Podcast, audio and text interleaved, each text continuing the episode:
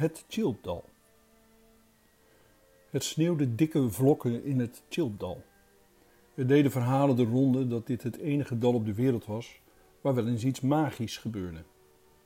Overal op de wereld vertelden mensen dat ze iets toverachtigs hadden meegemaakt, maar dat hadden ze maar bedacht. Of iemand had het ze wijs gemaakt. In het Chilpdal gebeurden echter echt onverklaarbare dingen. Niet omdat de mensen het geloofden of omdat ze mysterieus deden over iets wat eigenlijk heel normaal was, maar omdat het gewoon echt gebeurde. De bewoners van het Chilpdal zelf waren gewend aan merkwaardige gebeurtenissen. Alleen in het laatste jaar waren er meerdere meldingen geweest van eigenaardigheden als konijnen op heksenbezems, mensen die een dag een paar ledematen kwijt waren, gelukkig kwamen ze de volgende dag terug, zwanen met straalmotoren, eenden met motorkappen en bomen die van plaats waren verwisseld. De natuur roerde zich in het dal en het was de meteorologen opgevallen dat het weer in het Chilpdal regelmatig totaal verschilde van het weer in de directe omgeving. Zo kon het rustig 30 graden zijn, terwijl het in de omliggende dalen 20 graden kouder was. In het stadje Chilp, dat midden in het dal lag, woonde een jongetje dat Quintus heette. Quintus was het slimste jongetje van het hele dal en eigenlijk van het hele land. Hij won wedstrijden waarin allerlei moeilijke problemen moesten worden opgelost.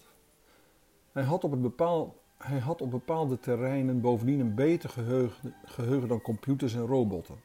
Zo had hij verschillende computers verslagen met spelletjes als schaken en go. En zijn rekensnelheid was minstens net zo snel als die van computers.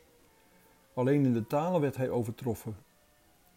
Het was kerstavond en Quintus zat voor zijn raam naar buiten te kijken. Zijn vader en moeder besteden zoals gebruikelijk geen aandacht aan hem. Zijn vader was een stille man die het huishouden deed en zijn moeder had een drukke baan en als ze niet werkte was ze altijd bezig met het een of ander. Hij had geen broertjes en zusjes. Quintus kon zichzelf echter erg goed vermaken, maar hij had geen vrienden. Omdat hij zo slim, zo slim was, zat hij vijf klassen te hoog. De kinderen uit zijn klas waren te oud voor hem en zijn eigen leeftijdsgenoten hadden de neiging om hem te pesten omdat ze hem niet begrepen en omdat hij niet dezelfde kleren droeg als zij. Dat werd erg belangrijk gevonden door zijn leeftijdsgenoten. Je zou denken dat Quintus zich eenzaam voelde, maar hij was juist gelukkig met, dat, met al dat alleen zijn. En er was nog iets aan de hand.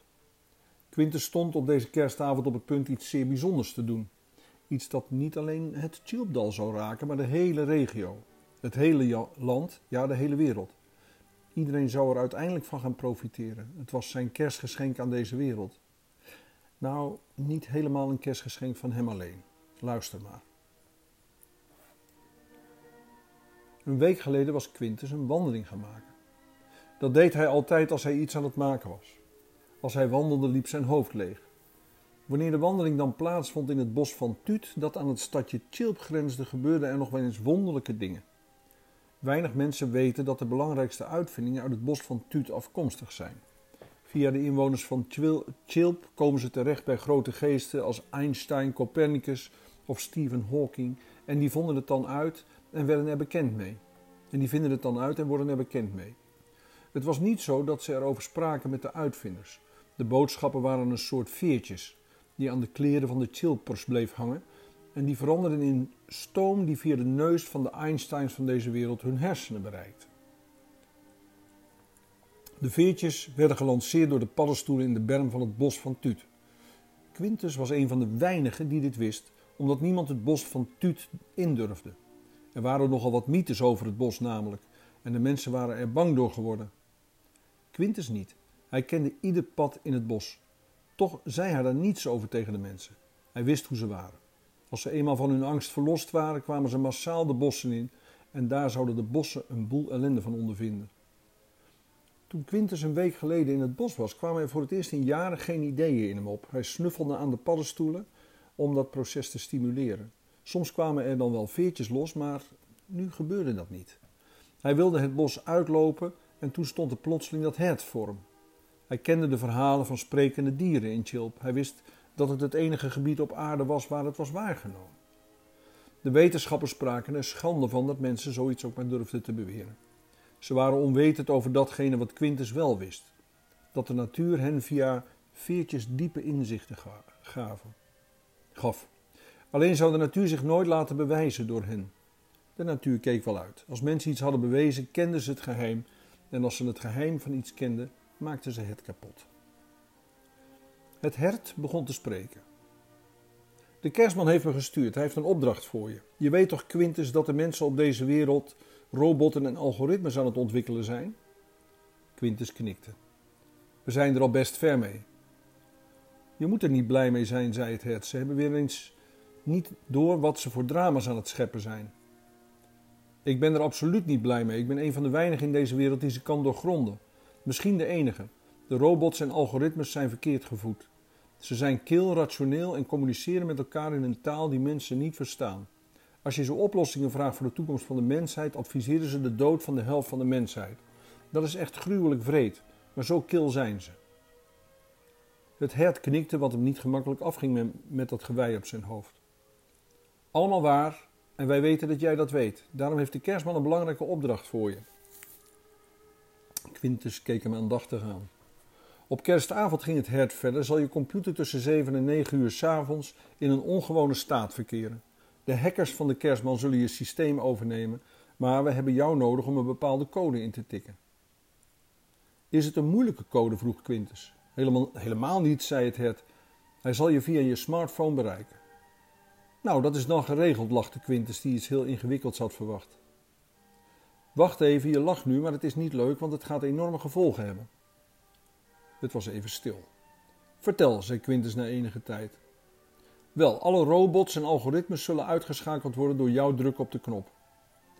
Hier werd Quintus even stil van. Alle robots en algoritmes uitschakelen, dat zou rampen veroorzaken. Telefoons zouden niet meer werken, energiecentrales zouden uitvallen, de banken gaven geen geld meer, schepen zouden zonder richting ronddobberen, winkels konden niet meer open. Hoe meer hij erover nadacht, des te ellendiger werd het in zijn hoofd. Dat kan ik toch niet doen, riep hij na een poosje uit. Het moet, zei het hert. Het is de enige manier om mensen te remmen. Altijd als er iets wordt uitgevonden, moeten mensen het weer tot het uiterste uitproberen. Tot en met kernrampen toe. Al die uitvindingen van jullie hebben dezelfde ellende tot gevolg. Omdat mensen nu eenmaal de grenzen niet precies weten van wat die uitvindingen allemaal voor goeds en kwaads kunnen gaan uitrichten. Ze weten gewoon niet waar ze moeten stoppen. Het hert en Quintus zwegen. Maar om ze nou allemaal uit te schakelen, zei Quintus na een korte tijd. Dat is echt het enige dat werkt, Quintus, het enige. Maar ik moet alweer gaan. Nu al? Wat abrupt. Ja, anders schieten ze me dood. Ik ga naar het ondergrondse kerstfeest van konijnen en herten. Wij moeten ook wat. Als we niet ondergronds gaan, zullen we sterven. Mensen schieten op ons en willen ons opeten. Wild noemen ze ons. Hoewel biologen al lang schrijven over de gevoelens van dieren, blijven mensen ons zien als prooien. Quintus keek nadenkend naar het hert. Ja, Quintus jongen, jullie zijn roofdieren. En weg was het hert. En nu was het dus kerstavond en zat Quintus bij zijn computer te wachten. En hij dacht na over de dingen die het hert had gezegd. Het hert dat met al de andere herten en konijnen moest onderduiken rond de feestdagen. Straks zou alles anders zijn, niet alleen in Chilp, maar ook in de rest van de wereld.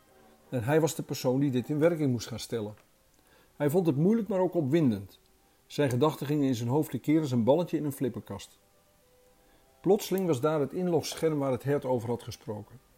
Quintus keek op zijn telefoon waarop inderdaad een code verscheen. Hij tikte de code in en kwam in een grijs scherm. Dit bleef een poosje op zijn computer in beeld. Meestal ergerde hem dat enorm als hij zo'n scherm zag, maar nu leek het hem raadzaam om even te wachten.